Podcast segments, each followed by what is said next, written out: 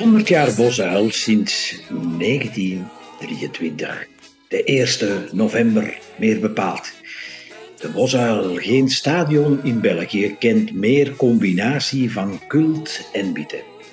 Op 1 november 2023 viert de Antwerp Voetbaltempel de 100ste verjaardag. In deze podcastserie van het Voetbalmuseum vertellen we in 10 afleveringen over de vergeten geschiedenis van rode en witte duivels in de hel van Deurne. Van Engeland 1923 tot Brazilië 1988.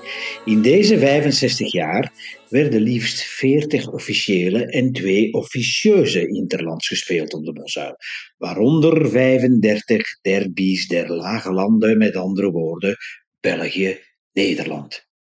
En met tussendoor als klapstuk ook de halve finale van het Europees kampioenschap voor landenploegen in 1972 tegen West-Duitsland voor een record van meer dan 60.000 kijkers.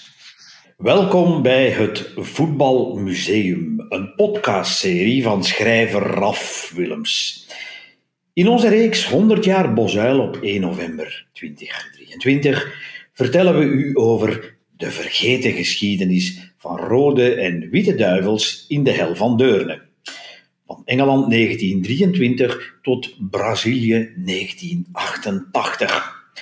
Vandaag behandelen we aflevering 5. België-Nederland op 4 april 1954. Eindstand 4-0 voor 47.000 toeschouwers.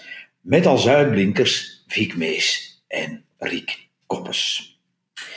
Vic Mees en Rick Koppens, zij bepaalden in de jaren 50 van de vorige eeuw het gezicht van hun beide clubs Antwerp en Beerschot. Hun persoonlijkheden konden niet verder uit elkaar liggen, maar dat verhinderde het onderlinge respect niet. Meer zelfs, ze werden vrienden voor het leven.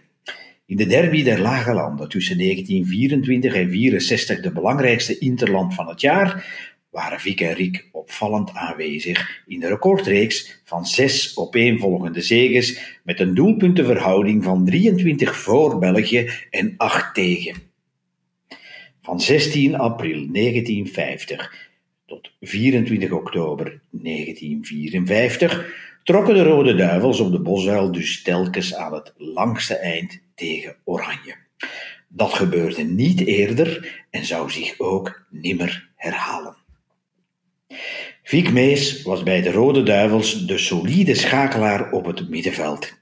Hij vond het helemaal geen probleem om steeds weer in de schaduw van de bejubelde aanvallers Jeff Mermans en Rikoppes te spelen.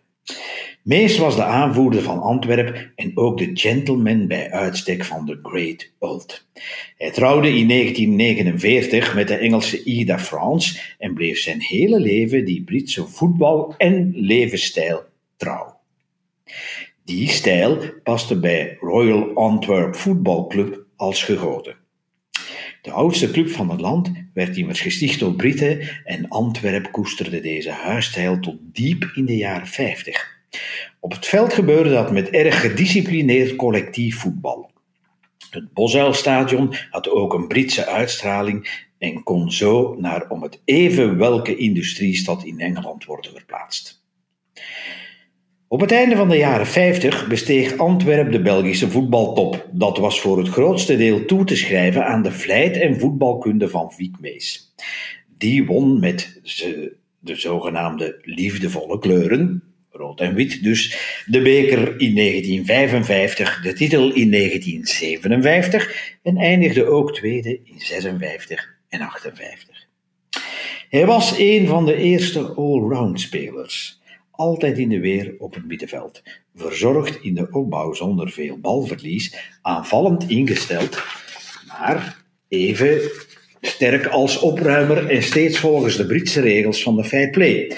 Nooit zware fouten, zelden zeuren tegen de scheidsrechter. De echte ploegspeler, met andere woorden, die teamspirit als hoogste goed beschouwde. Hij stond op en ging slapen met Antwerp.